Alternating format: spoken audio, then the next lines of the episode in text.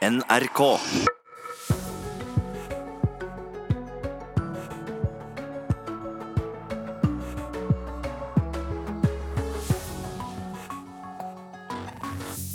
Med hovent ansikt og utslett på kroppen ble den mest kjente opposisjonspolitikeren i Russland eh, sendt fra fengsel til sykehus. Myndighetene sier han har fått en allergisk reaksjon. Tankene går jo mot tidligere forgiftningsskandaler. Vi skal eh, straks snakke med vår eh, korrespondent i Moskva. Politiansatte som blir skadet under pålagt trening, får ikke erstatning. Hvordan kan det ha seg? På 19 studier er det bare menn som har fått tilbud, og på 12 studietilbud er det bare kvinner. Hvorfor er det fortsatt så kjønnsdelt? Og det er en folkevandring til naturperlene ved sjøen. Veien tåler det ikke, dyrene våre tåler det ikke, fuglene tåler det ikke, vi tåler det ikke. Bør Innovasjon Norge slutte å markedsføre disse stedene? Det er noen av spørsmålene i Nyhetsmorgen i dag med Ida Creed, der det også skal handle om at USAs etterretningssjef går av.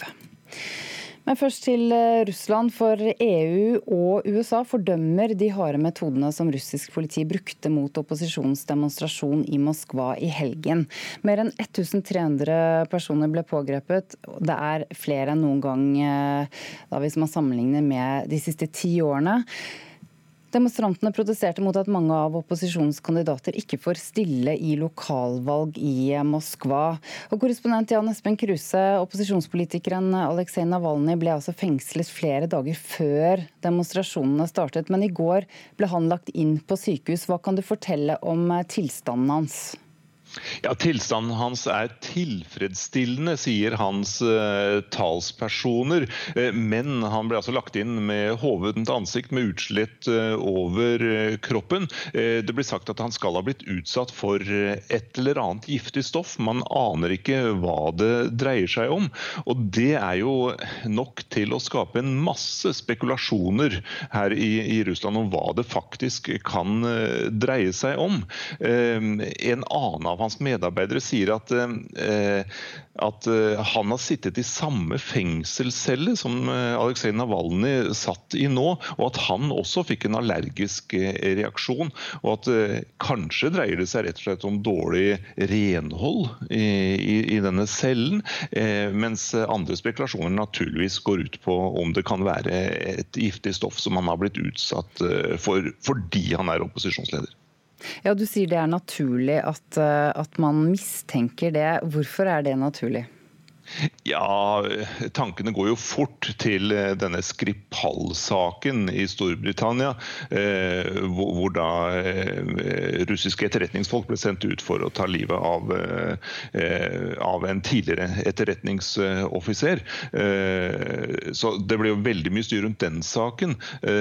Og det er jo med på å, forsterke dette her. Og så er det jo altså opposisjonen i Russland, denne opposisjonen rundt rundt Navalny eh, har det jo virkelig eh, vanskelig. De blir jo utsatt for, eh, for veldig mye trakassering fra myndighetenes side.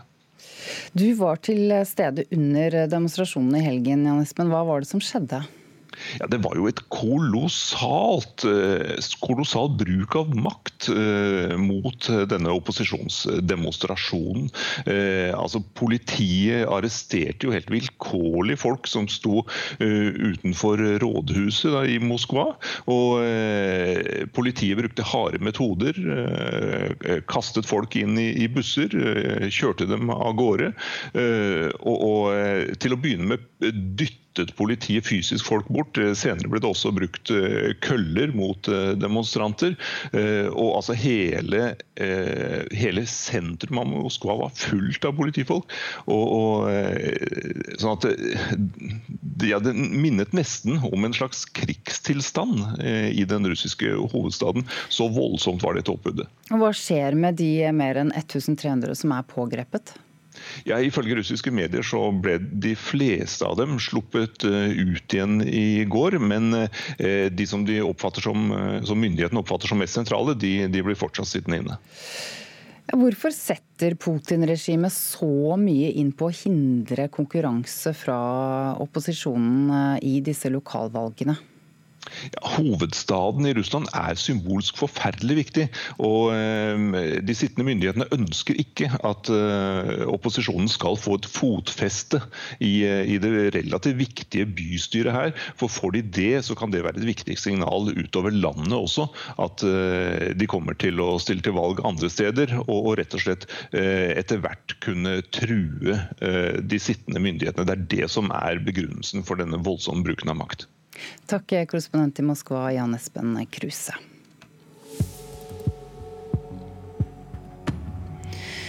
Flere politifolk som har blitt varig skadet under pålagt trening, får ikke yrkesskadeerstatning.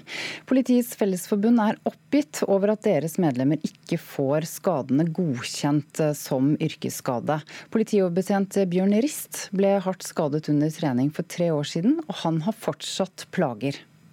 Og Det er prekking i alle fingrene. Og det er akkurat så at eh, man ligger og sover på handa at den eh, aldri våkner etterpå. Den velkjente og ofte harmløse følelsen av å ha hatt ei nerve i klem, har blitt en varig del av hverdagen for politioverbetjent Bjørn Rist. Under ei pålagt trening i arrestasjonsteknikk for tre år tilbake ble han hardt skada og sliter i dag med senskadene. Jeg har fått varig men i form av at jeg har eh, nerveskader ned gjennom venstre arm. Det var så på håret det kunne blitt lam fra nakken og ned. Skadene har gjort at han ikke lenger kan jobbe i felt. I tillegg har det satt begrensninger på hjemmebane. Men til tross for at skadene skjedde i arbeidstida, får han ikke godkjent dette som yrkesskade. Både i Nav og Trygderetten har erstatningskravet blitt avslått fordi skadene ikke var uforutsett eller uventa. Trygderetten har avslått en rekke saker der politifolk blir skada under pålagt trening og øvelse. Det er klart at medlemmene våre er jo djupt fortvila. Det forteller forbundsleder Linda Verdal i Politiets Fellesforbund. Også i Politidirektoratet stiller man seg bak argumentene fra de politiansatte, og har bedt Justisdepartementet se på mulighetene for endring av regelverket. I et svar til Stortinget nylig svarer justisministeren at de har igangsatt ei vurdering for å se om det er behov for endring. Jeg håper at her eh, er det noen som tar tak i og får gjort noe med. Reporter her var Andreas Nilsen eh, Trygstad.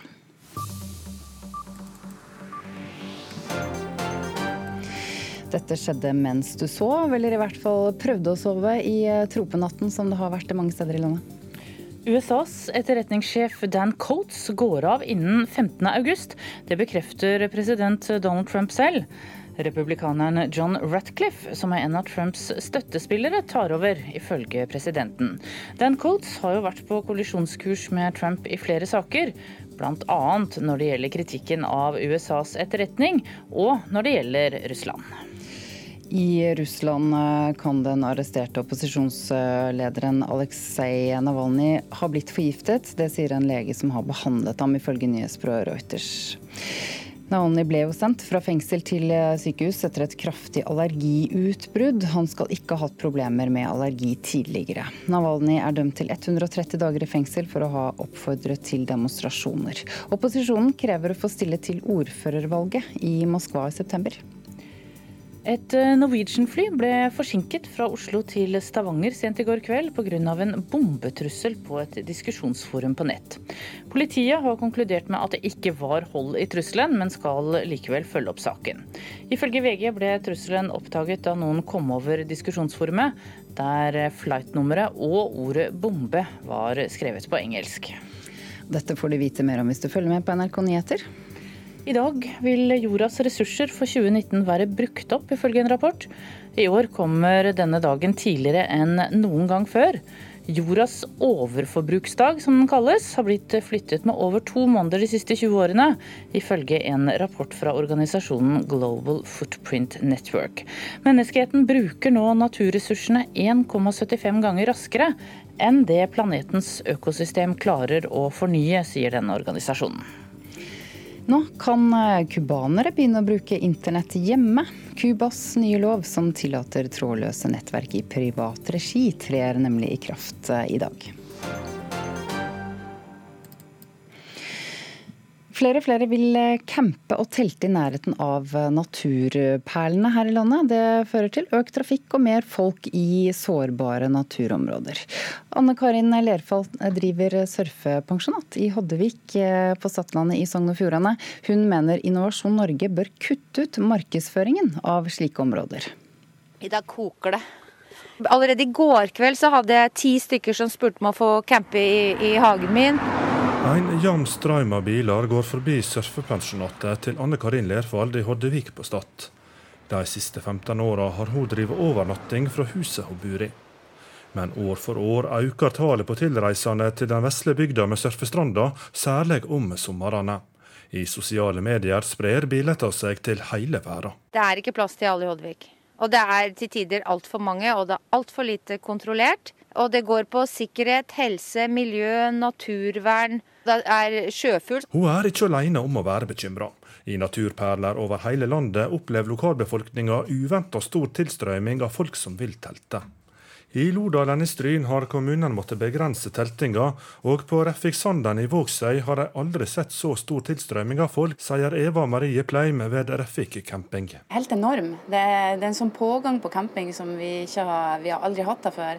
Hoddevik har blitt brukt av Innovasjon Norge i markedsføringa av landet vårt som reisemål. Men Anne Karin Lerfald mener bygda ikke tåler reklamen. I fjor måtte kommunen asfaltere et område for å gi plass til alle bilene i Hoddevik. De hadde jo en sånn kampanje herifra hvor de var på alle flyplasser. Tenkte, tenk hvis det kom 10 000. Veien tåler det ikke, dyrene våre tåler det ikke, fuglene tåler det ikke, vi tåler det ikke. Visit Norway syns jeg har solgt for mange naturperler som en, et produkt du bare kan oppsøke og bruke. Og det er mye misbruk av disse perlene. Reiselivsdirektør i Innovasjon Norge, Bente Bratland Holm, sier hun forstår kritikken fra Lerfald. Holm sier Innovasjon Norge vil roe ned markedsføringa av flere utsatte reisemål kring om. Dette ser vi på enkelte plasser eh, rundt omkring, spesielt på Vestlandet på sommeren og, og litt i Nord-Norge på vinteren rundt dette med, med, nordlyset. Så ser vi at, eh, at det begynner å nærme seg ei smertegrense. Eh, vi har tona ned på disse pressområdene på de tidene av året hvor det er press. Eh, og så prøver vi heller å vise dem fram på andre tider av året. For det er ikke fullt i landet, det er bare et voldsomt trykk. Eh, og det har vi full forståelse for at det må håndteres av de lokale, og at det kan bli for mye. Ved stranda i Hoddevik har søskenbarna Hilde og Henrik Bussesund og Torjus Klette satt opp teltene sine. De skjønner godt at det kommer mye folk til området. Det er helt fantastisk fint der. Det er kjekt å surfe, og det er jo veldig bra surfestrand. Ja, Tilbake på surfekampen er Anne Karin Lerfall i gang med å finne fram surfebrett til ungdommer som skal prøve bølgene for første gang. Hun som sjøl fant en levevei i bygda gjennom å gi tak over hovedet til surfere, er uroa for hva som skjer videre. For på internett går ryktet om perler ved storhavet, enten en vil eller ikke. Det er noe som heter du skal kun etterlate deg fotspor og ta med deg bilder. Men nå blir det for mange etterlatte fotspor, og det blir for mange bilder ut i verden som selger noe som ikke tåler å bli solgt. Reporter her var Asgeir Heimdal Reksnes. Klokken er 16 minutter over sju. Dette er NRKs Nyhetsmorgen. Flere millioner eh, satt av til svømmeopplæring til barn i barnehage og til innvandrere står ubrukt, selv om mange har dårlige svømmeferdigheter. Dette skriver VG i dag, og vi eh, ser nærmere på den saken. Politiansatte krever endring, får ikke erstatning etter å ha blitt skadet på jobb. Og EU og USA fordømmer de harde metodene som russisk politi brukte mot opposisjonens eh, demonstrasjon i Moskva i helgen. Den mest kjente opposisjonslederen ligger på sykehus, og legen hans tror han er forgiftet.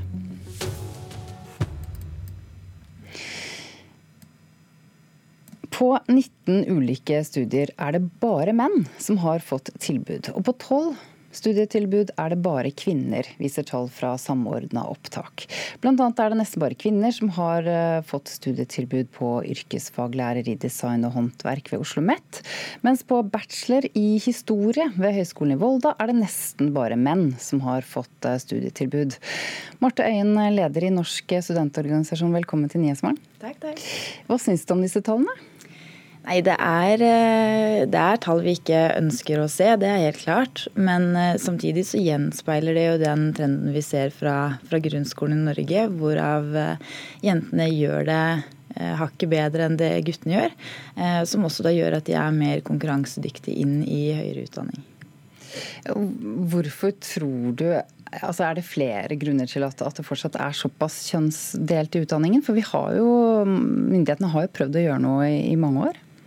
Det er vanskelig å si. Jeg tror det er en veldig sammensatt problemstilling. Så det er nok vanskelig å skulle peke på én årsak til hvorfor man fortsatt ser slike tall. Eh, men nå er det sånn at eh, man har en rekke tiltak. Bl.a. så har alle utdanningsministrene i Europa inngått en, en avtale om en nasjonal access-plan, eller en nasjonal rekrutteringsplan til høyere utdanning. Eh, som eh, er en del av Bologna-prosessen som Norge ikke har gjennomført enda. Så eh, det er klart Vi stiller oss litt spørrende til hvorfor man ikke har gjort det, når man ser slike tall år etter år. Hmm. Altså, dette er et problem over hele landet. Hmm, er det noen byer og noen studier som likevel skiller seg ut? Det er nok spredt rundt omkring i hele landet. Det er nok ingen byer eller sted, studiesteder som, som skiller seg noe utprega mer ut enn andre. For man har jo en rekke studiesteder på, eller studieprogram på flere studiesteder i Norge. Så det handler nok mer om at man velger litt mer tradisjonelle studier. Eh, sånn som at jenter velger sykepleie og, og gutter gjerne velger innenfor teknologi. Ja, hvilket virkemiddel tror du eh, virker best? Det er vanskelig å si. Jeg tror det, det, er litt eh, forskjell på hvor man treffer, avhengig av om du skal eh, rekruttere jenter eller gutter. Eh, men vi ser f.eks. NSF sin kampanje 'Man kan bli sykepleier'. Som har fungert noenlunde, i hvert fall. Som viser at påvirkningsarbeid fungerer. Og hvis man ser at en rekke andre tiltak ikke skulle Eh, løse problemet eller utfordringen, så, så, har jo også regjeringen en rekke andre tiltak de kan innføre, bl.a. kjønnskvoteringer eller kjønnspoeng. Eh, hva, hva syns studentene om denne kjønnsdelingen selv? Det er klart Vi som studenter ønsker jo et mangfoldig akademia. Vi ønsker jo at det skal være eh, et rom for, for alle, både gutter og jenter. Så, så, vi ønsker jo at det skal være bedre kjønnsfordeling i høyere utdanning. Takk, Marte Øyen, leder i Norsk studentorganisasjon. I natt kom det meldinger om at uh, i USA så forlater en ny høyt profilert medarbeider teamet til president Donald Trump. Denne gangen er det den nasjonale etterretningssjefen Dan Coates som går av. Det bekrefter uh, president Donald Trump. Det gjorde han på Twitter i natt. Utenriksmedarbeider Tore Moland, hvem er Dan Coates? Han er øverste sjef for 17 13 ulike amerikanske etterretningsorganer. Det er en litt lite synlig stilling han har hatt i nesten to og et halvt år. Og Det er da han som har hatt overoppsynet med bl.a. CIA og NSA, den nasjonale sikkerhetsetaten. Men han skal ha vært på kollisjonskurs med presidenten lenge, og det har gått rykter i Washington om at han kom til å trekke seg. De trodde kanskje ikke han kom til å gjøre det før neste år, men nå skjer det altså innen 15.8, ifølge Trump selv. Hva er det han har vært uenig med Donald Trump om? Store spørsmål om nasjonal sikkerhet. De største spørsmålene. Nord-Korea, Iran og ikke minst Russland. Ifølge New York Times har Dan Coates vært en av få som har vært villig til å si imot presidenten i sikkerhetsspørsmål. Han har bl.a. sagt seg uenig med Trump i at Nord-Korea kommer til å gi opp atomvåpnene sine. Han har også blitt kalt passiv og naiv av sin egen sjef i vurderingen av hvilken trussel det iranske atomprogrammet utgjør. Og etterretningssjef Dan Coates skal heller ikke ha blitt eh, informert eller rådspurt på forhånd da Donald Trump møtte president Vladimir Putin bak lukkede dører i Helsinki i fjor. Så ifølge Washington Post har denne karen følt seg marginalisert og solid plassert på sidelinja etter hvert. Altså, hvem er det da som overtar jobben som etterretningssjef? Nå har Donald Trump nominert John Ratcliffe, en republikansk kongressrepresentant fra Texas, som skal ha imponert presidenten den siste tida med noen særlig tøffe spørsmål til spesialetterforsker Robert Mueller etter eh, høringen etter Russland-etterforskningen. Han blir sett på som en mye mer Trump-lojal utnevnelse. Ifølge Trump selv på Twitter i natt kommer John Ratcliffe til å inspirere til storhet for landet han elsker. Mens lederskikkelser i Det demokratiske partiet sier derimot at han blir tilbudt jobben fordi han har vist blind lojalitet til presidenten, og at avgangen til Dan Coates er dårlig nytt for USAs sikkerhet. Og Når skjer dette skiftet? Ja, Coates går da av innen 15.8. Og så skal en midlertidig sjef eh, overta, i påvente av at John, Ratcliffe blir godkjent i Senatet. Der har republikanerne flertall, så det ligger eh, vel an til at han blir sjettemann som har denne stillingen som etterretningssjef i USA.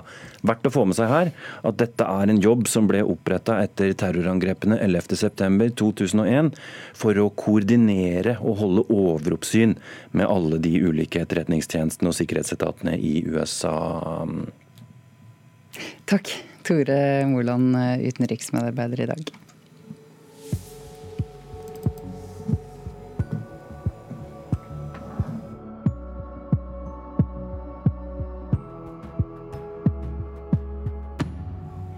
Vi skifter eh, tema her i Nyhetsmorgen. Eh, til tross for mange drukningsulykker i Norge, så står det millioner av kroner til eh, svømmeopplæring ubrukt. Det melder VG i dag. Så langt i år har 45 mennesker druknet. Det er 15 færre enn samme periode i fjor, viser tall som Redningsselskapet slapp i forrige uke. Denne helgen var preget av drukningsulykker, flere av dem. Tre personer mistet livet eller er antatt omkommet i drukning. Reporter Anna Lea Poppe, hvor mye mye penger er det som står uh, ubrukt eh, til svømmeopplæring? Eh, både i 2017 og i 2018 har det blitt penger til overs. Til sammen står over 8 millioner kroner ubrukt. Det er slik at norske kommuner kan søke om penger til svømmeopplæring i barnehager og for innvandrere. Eh, midlene skal brukes til tiltak som gir vanntilvenning og svømmeopplæring, slik at de som benytter seg av tilbudet, blir tryggere i vann.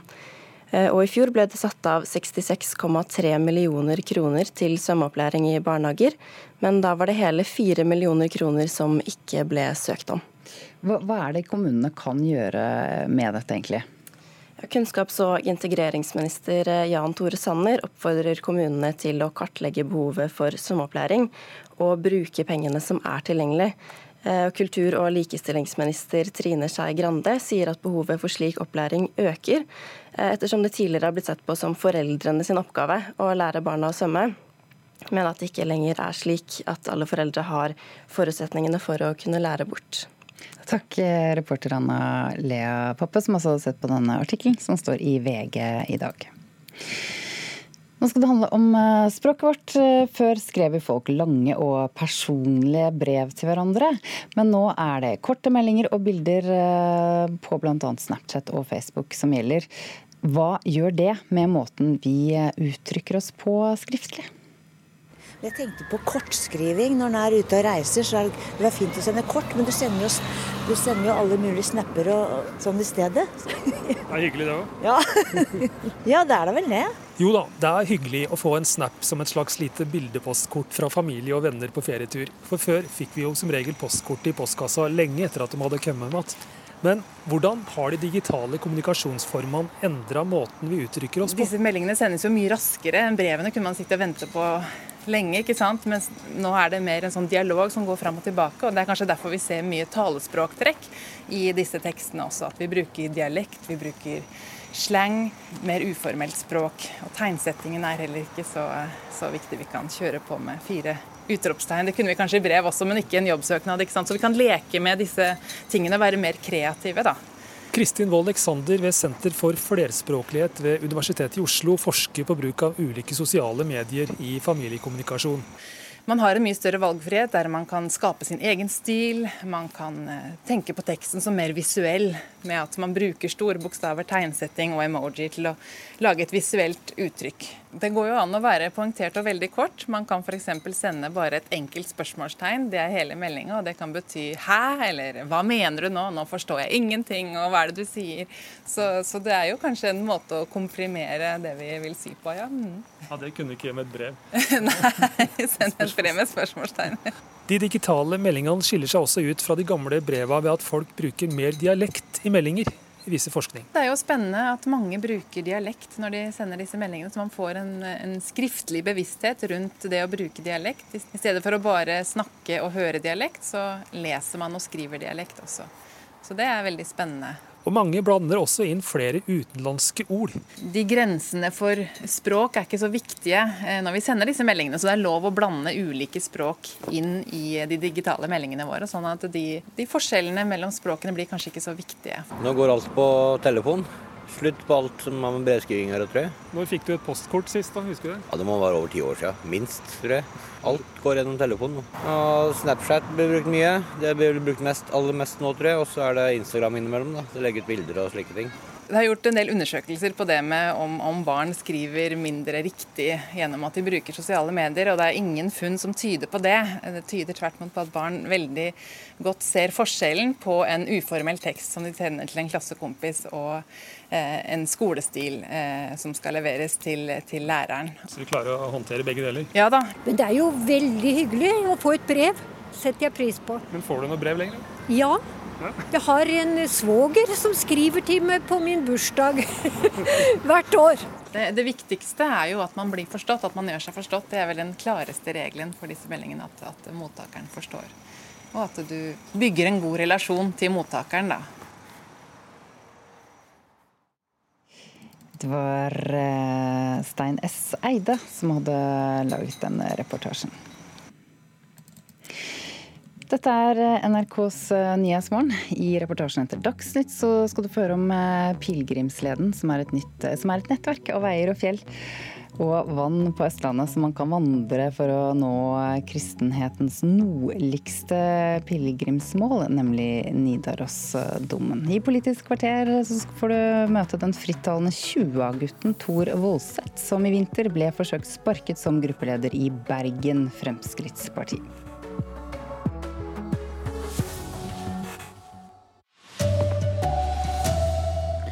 Fengslet opposisjonsleder i Russland kan ha blitt forgiftet, sier lege. Sosialistisk Venstreparti går inn for å bygge toglinje helt til Tromsø, får ikke støtte av Fremskrittspartiet. Og Innovasjon Norge får kritikk for markedsføring av norske naturperler. God morgen, her er NRK Dagsnytt, klokka er 7.30.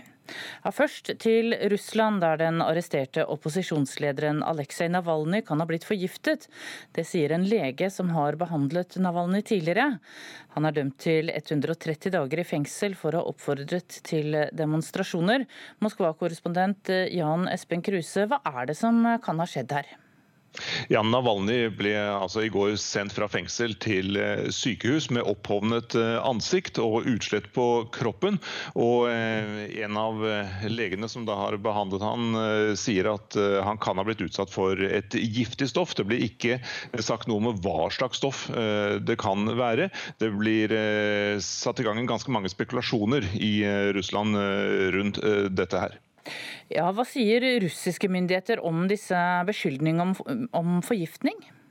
Ja, De eh, sier at de vet ikke riktig hva det dreier seg om ennå, og at eh, saken naturligvis eh, undersøkes.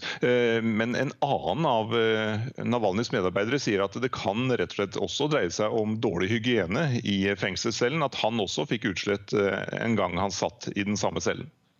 Bakgrunnen her er at opposisjonen krever å få delta i lokalvalg, og i helgen ble jo 1300 arrestert i demonstrasjoner i Moskva. Hvorfor blir eh, dette slått så hardt ned på? Dette blir sett på som farlige konkurrenter, altså opposisjonen rundt eh, Navalny. Eh, bystyret i Moskva er symbolsk veldig viktig, og hvis eh, opposisjonen skulle få fotfeste her, så vil det kunne være et signal utover landet om at de også vil kunne styrke sin stilling andre steder. Og det ønsker de sittende myndighetene for alt i verden å unngå. Det er grunnen til at de slår så veldig hardt ned på opposisjonens virksomhet. Ja, du var selv ute i gatene i Moskva i helgen. Hvordan opplevde du det som skjedde? Ja, Det var et helt kolossalt oppbud av, uh, militær, av, uh, unnskyld, av politimakt som ble satt inn uh, mot opposisjonen. Hele sentrum av Moskva var stengt av. Det var titusener av politifolk ute. De brukte makt mot demonstrantene. De startet med å dytte dem vekk. Senere ble det satt, tatt i bruk køller mot dem. Og det var massedemonstrasjoner altså hvor folk bare ble tatt helt tilfeldig og satt inn i busser og sendt til politistasjoner og sendt til fengsel. Takk Jan Espen Kruse med oss fra Moskva. Tre personer er drept i skyting på en matfestival i Gilroy i California i USA, ifølge amerikanske medier. Minst 15 mennesker er skadd. En gjerningsmann skal være død, men ifølge lokalt politi kan det ha vært en gjerningsmann til, og situasjonen er fremdeles uavklart. Bakgrunnen for skytingen er uklar. Det er realistisk å bygge Nord-Norgebanen helt opp til Tromsø. Det mener Sosialistisk Venstreparti, mens Fremskrittspartiet er mer usikre. I starten av denne måneden kom en rapport fra Jernbanedirektoratet som anslo at Nord-Norgebanen kommer til å koste 100 millioner kroner. Og SV vil nå at Stortinget skal sette i gang en utredning for å få bygget Nord-Norgebanen. Jeg tror at eh, det er et behov, altså både i forhold til persontransport, men også godstransport. Eh, få det bort fra veiene få det på toget, det tror jeg er bra. På togstasjonen i Bodø står Kim André Støvseth og snakker om Nord-Norgebanen. Togstrekningen fra Fauske til Tromsø som foreløpig ikke er realisert. Etter at Jernbanedirektoratet la fram sin analyse av strekningen, har debatten rast i Nord-Norge. Nå sier SV stortingsrepresentant Mona Fagerås at de ønsker toget hele veien til Tromsø. Og vi kommer nå til å fremme forslag på Stortinget om å sette i gang en konseptvalgsutredning for Nord-Norge-banen. Så får vi se hvem som faktisk støtter dette. NHO sin avdeling for logistikk og transport sier til NRK at de ville benyttet seg av banen om den eksisterte, men at de heller ønsker at pengene prioriteres til å utbedre det eksisterende banenettverket. Selvfølgelig skal vi eh, forbedre jernbanen over hele landet, men det er nettopp det som er stikkordet over hele landet. Det er på tide at det skjer litt infrastrukturutbygging også i, eh, i nord. Fremskrittspartiets stortingsrepresentant Dagfinn Olsen sier de er positive til å se videre på jernbanesatsingen. Men det må ikke være slik at det er ukritisk og vi skal bruke 120 milliarder på en jernbane. For da får vi ingen annen infrastrukturinvesteringer i Nord-Norge. Reportere her var Einar Lone Bjørø og Kåre Ribe Ramskjell. Flere politifolk som har blitt varig skadet under pålagt trening, får ikke yrkesskadeerstatning. Politiets Fellesforbund er oppgitt over at deres medlemmer ikke får slike skader godkjent som yrkesskade. Politioverbetjent Bjørn Rist ble hardt skadd under trening for tre år siden.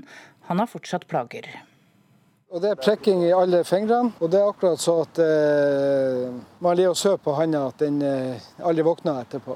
Den velkjente og ofte harmløse følelsen av å ha hatt ei nerve i klem, har blitt en varig del av hverdagen for politioverbetjent Bjørn Rist. Under ei pålagt trening i arrestasjonsteknikk for tre år tilbake, ble han hardt skada og sliter i dag med senskadene. Jeg har fått varig men i form av at jeg har eh, nerveskader ned gjennom venstre arm. Det var så på håret at jeg kunne blitt lam fra nakken og ned. Skadene har gjort at han ikke lenger kan jobbe i felt.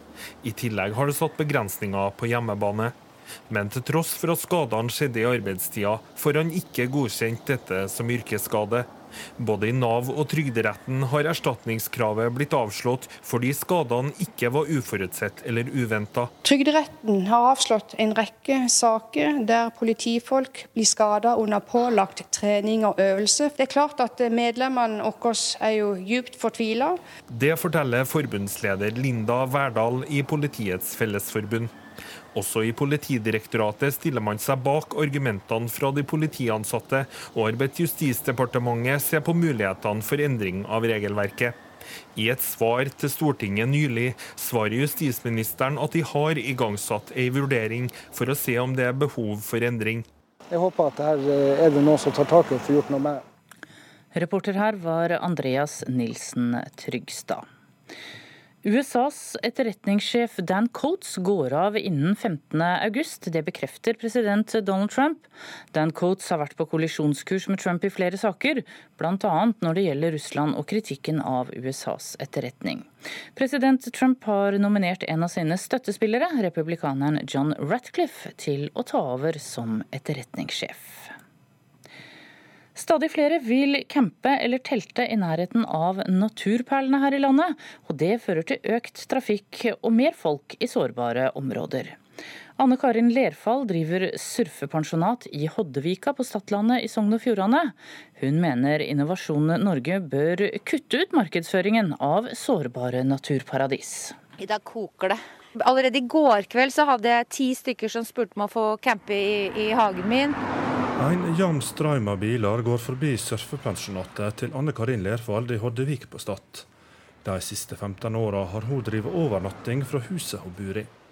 Men år for år øker tallet på tilreisende til den vesle bygda med surfestranda, særlig om somrene. I sosiale medier sprer billetter seg til hele verden. Det er ikke plass til alle i Hoddevik.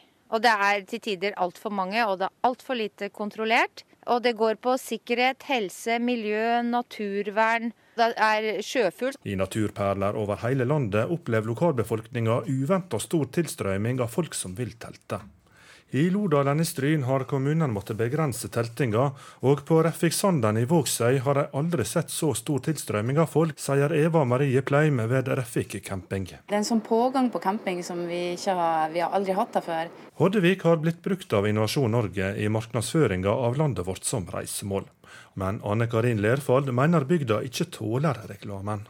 Visit Norway syns jeg har solgt for mange naturperler som en, et produkt du bare kan oppsøke og bruke. Det blir for mange bilder ut i verden som selger noe som ikke tåler å bli solgt. Reiselivsdirektør i Innovasjon Norge, Bente Bratland Holm, sier hun forstår kritikken fra Lerfald. Det begynner å nærme seg ei smertegrense, eh, og det har vi full forståelse for at det må håndteres av de lokale, og at det kan bli for mye. Vi har tona ned på disse pressområdene på de tidene av året hvor det er press. Reporter her var Asgeir Heimdal Reksnes. I Tyskland er to menn fanget i Falkensteinergrotten i delstaten Baden-Würtemberg etter at vannstanden steg som følge av kraftig regn. Redningsmannskap sier de trolig kan hente ut mennene i dag, og det skal gå bra med dem etter forholdene. Ansvarlig for Dagsnytt i dag er Erlend Rønneberg. Her i studio Tone Nordahl.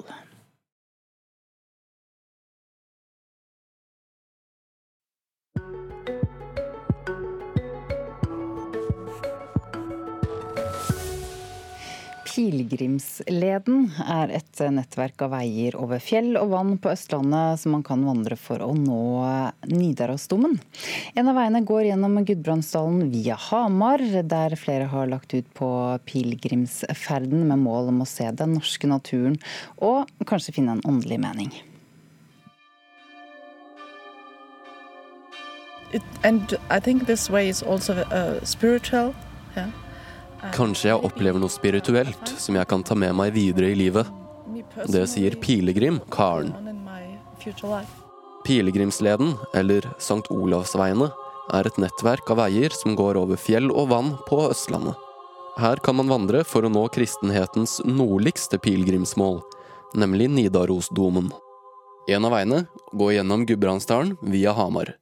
Den 643 km lange Gudbrandsdalleden har flere pilegrimssentre langs veien. Et av de er Hamar pilegrimssenter ved Domkirkeodden. Tone Stræte sier at pilegrimssenteret har et bredt ansvar. Vi jobber med merking og vedlikehold og overnattingssteder, at infrastrukturen skal være i orden. Eh, informasjon til pilegrimen når den kommer hit. I dag forventer pilegrimssenteret gjester ja, i dag kommer det en eh, gruppe fra østerriksk, eh, en østerriksk turoperatør. Så jeg vet ikke helt programmet deres, men mange starter på Hamar med en seanse i Hamardomen. Og så kommer de innom her, får pilegrimsvafler. Gunnar har organisert pilegrimsreisen fra Bayern i Tyskland. Han sier det vil bli en lang reise. Yes, we just, we, we started, we came here from, from Munich by plane. Vi kom nettopp fra München, så nå vil vi begynne vår pilegrimsreise fra Hamar. Gunnar forklarer videre hvilken del av pilegrimsverden reisefølget skal gå til fots. Vi vil gå gjennom Gudbrandsdalen og over Dovrefjell. Karen er en del av reisefølget. For henne er reisen målet. The the way is the the aim yeah? I i just want to walk find back to to some thoughts. I have no time at home. I'm very busy. I'm still in work. And um, i think it's it's uh, Jeg vil finne tilbake til tankene mine. Jeg liker gruppen, men jeg vil også gå litt alene. Stræte fra Hamar pilegrimssenter sier likevel at pilegrimsferden ikke behøver å være av den spirituelle sorten. Det er kanskje en litt myte òg at eh, alle går av religiøse grunner.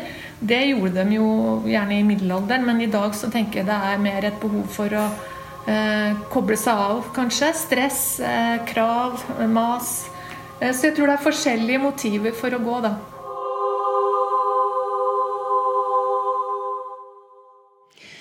Reporter i saken Niklas Løkken.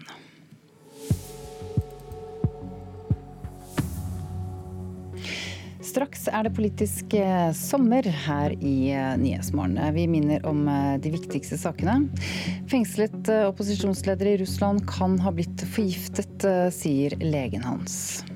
Sosialistisk Venstreparti går inn for å bygge toglinje helt til Tromsø, men får ikke støtte av Fremskrittspartiet. Innovasjon Norge får kritikk for markedsføring av norske naturperler. Og politiansatte krever endring, får ikke erstatning etter å ha blitt eh, skadet på jobb. I sommer sender vi portretter med politikere før valget, som jo er snart, i september på denne tiden som du vanligvis får eh, Politisk kvarter. Den eh, frittalende 20-gutten Tor Voldseth eh, ble i vinter forsøkt sparket som gruppeleder av Bergen Fremskrittsparti, men han er likevel toppkandidat til valget i høst. Og han elsker å seile sin egen sjø.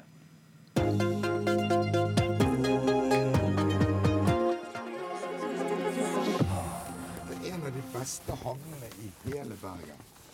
Dette her. Det er faktisk talt kun en spesiell nordvestvind som kommer rett inn.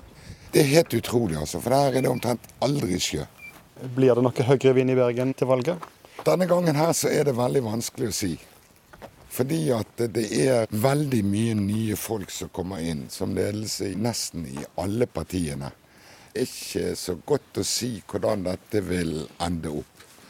Og folk er skeptiske, og eh, de skal vise misnøye med eh, bompenger. Og det er mange ting som eh, kommer til å spille inn som er spesielt i år i forhold til hva det har vært de fleste av de andre årene jeg har vært i politikken. Så det, det er hun ikke godt å si. Her er det. Jeg har båt. Jeg har samme båten som jeg har hatt siden 1986. Den er ni meter lang, men den er stor nok for meg. Nå er jeg for det meste aleine. Så jeg har mye òg Satt det der, du der er litt bedre enn der. Okay. Jeg har problemer med denne septiklukten. Jeg kjenner ikke noe septiklukt, jeg. Ja, jeg. Jeg Nå har jeg hevet på som eddik. Jeg har alltid likt båtliv. Det er en av de tingene som jeg syns Bergen kommune er veldig dårlig med. Det er tilrettelegge for båtfolk. De snakker så fint i sånne taler osv. Så at Bergen det er en sjøfast by.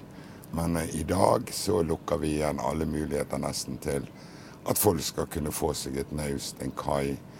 Sjøen er, er spesiell. Vann som treffer land, og du har friheten. Da har vi en skjærgård rundt Bergen som er helt unik.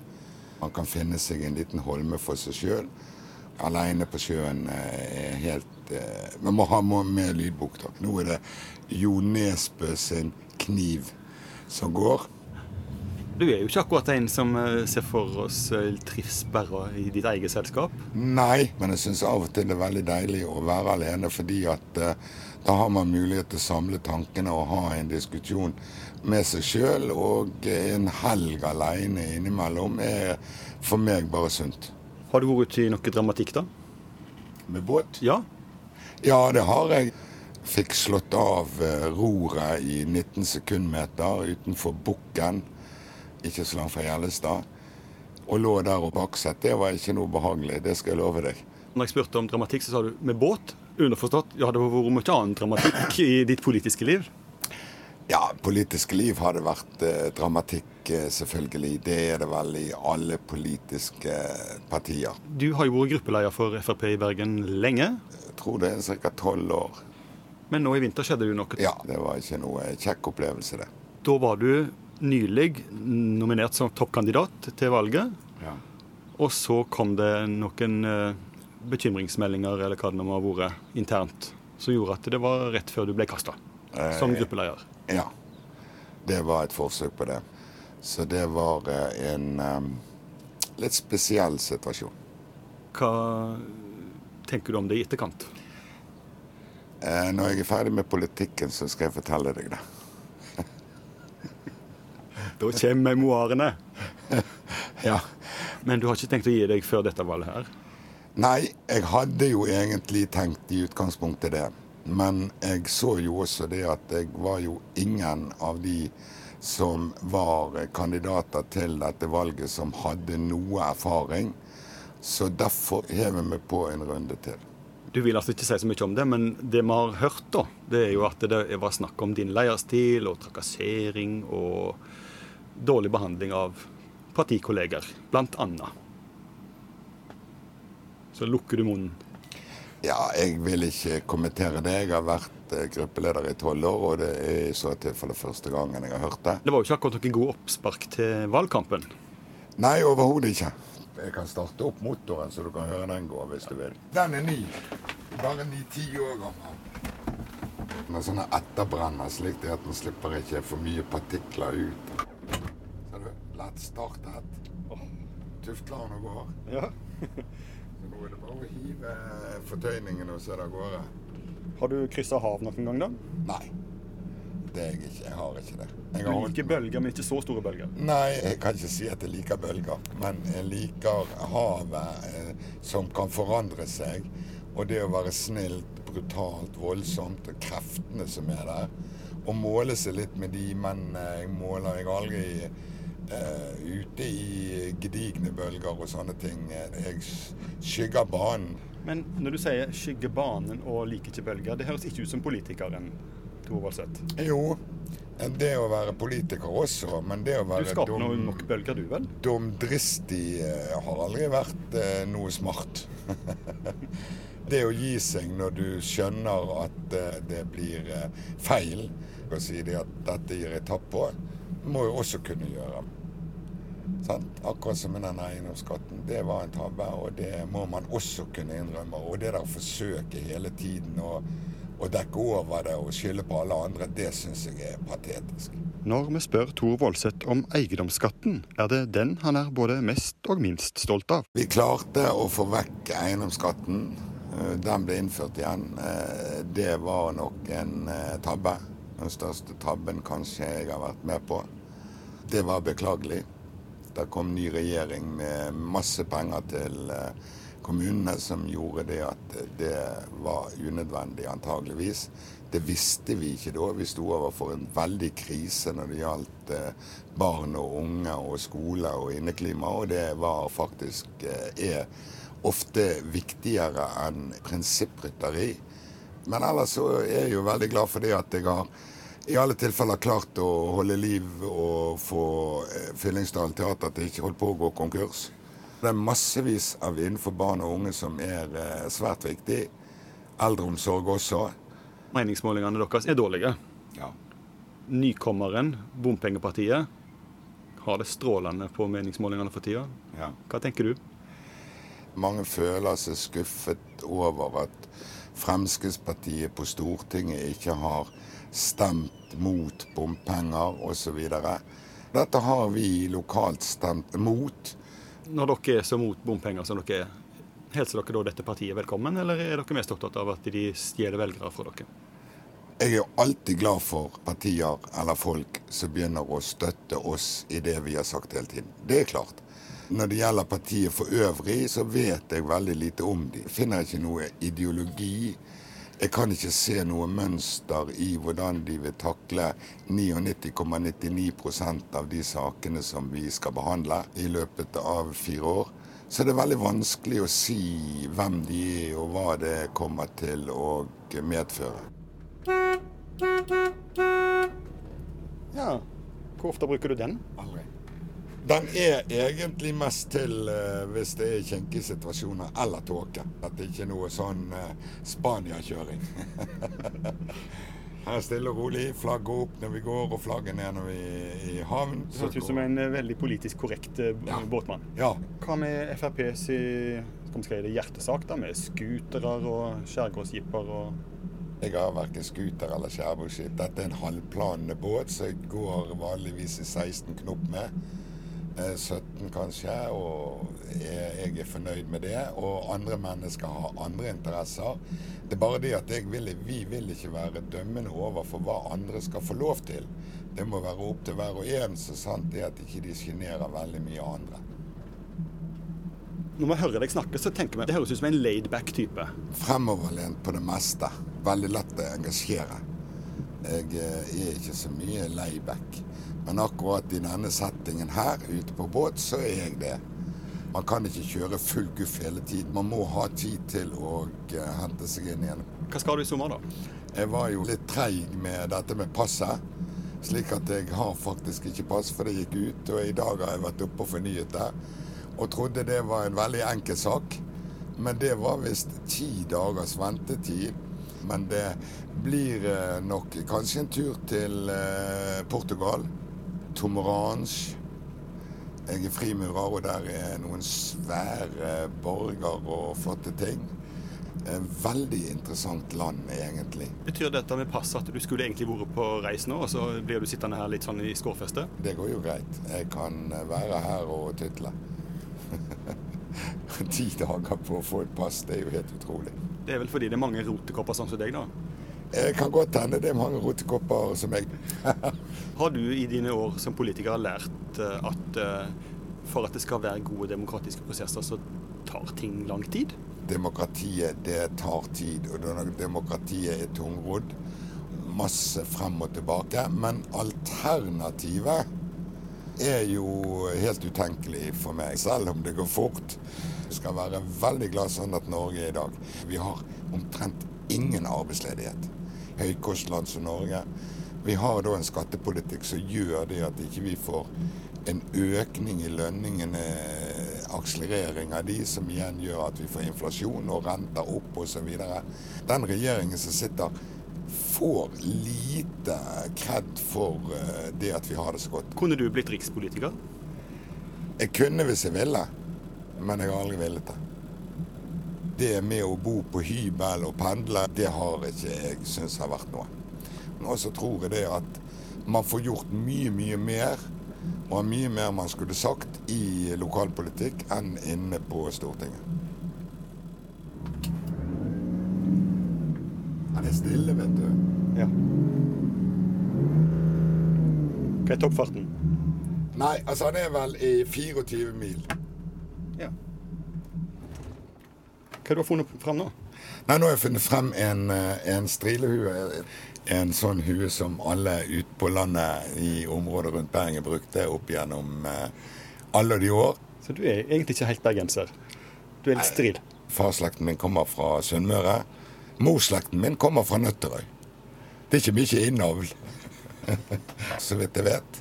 Du har jo blitt beskrevet som både bajas og friskt pust i politikken. Er du ei urokråke, eller er du en uh, nødvendig fri tenker? Bajas vet jeg ikke. Jeg er jo født bergenser og har jo vært det hele mitt liv. Og kan være direkte og kanskje litt nådeløs eh, noen ganger. Uten at det skal være noe ondt i det. Men det er nå i utgangspunktet min måte å være på. Det å pakke altfor mye inn i ull osv. er ikke i alle sammenhenger lurt. Nå er jo jeg blitt såpass gammel også at jeg kanskje er blitt mye rundere i kantene enn det jeg var. Men prater ofte rett fra levra, og jeg har veldig vanskelig for å gi meg på ting som jeg mener er veldig viktig for samfunnet. Og spesielt for barn og unge, og de eldre. Og så mener jeg det at kanskje vi andre som er i jobb og tjener penger, bør bruke de pengene på det vi ønsker, og ikke være subsidiert så forbaskede mye rundt omkring. Klarerer du med partiet, eller er du litt sånn løs kanon? Jeg eh, klarerer eh, med partiet i store saker, og er vel egentlig ikke noe løs kanon. 66-åringen Voldseth er et par år eldre enn sin politiske motstander Odny Militeig i SV. Dere er jo to ungdommer i ja. Bergen bystyre. Vi er to ungdommer i eldre skrotter. Og vi har sittet i skole, oppvekstkomité. Hun vekselvis leder, og jeg vekselvis leder. Så vi har uh, rulet det området ganske bra. Jeg husker jo godt når dere satt eh, og lekte åpent kontorlandskap i lag. Ja, ja, ja. Der satt dere og kviskra og fniste over sånn lettvegg, Ja. som to forelska ungdomsskoleelever. ja. Vi har jo hatt et godt forhold. Hvis du ikke har et godt forhold til eh, de andre politikerne, så har du et problem, altså. Og det å ta vare på hverandre som medmennesker, og det har jo vi gjort. Odny har jo vært eh, fantastisk. Hun gir jo seg nå, hun. Hvor lenge vil du holde på, da? Den perioden som kommer nå, blir definitivt den siste. Men med dagens meningsmålinger, er du sikker på at du kommer inn da, som toppkandidat?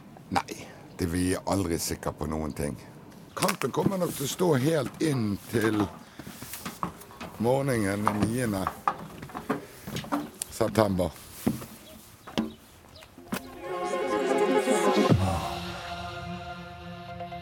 Ja, det sa Tor Voldseth, førstekandidat til Frp til kommunevalget til høsten. Reporter var Leif Rune Løland. Du kan høre alle sommerportrettene som podkast hvis du søker på Politisk kvarter.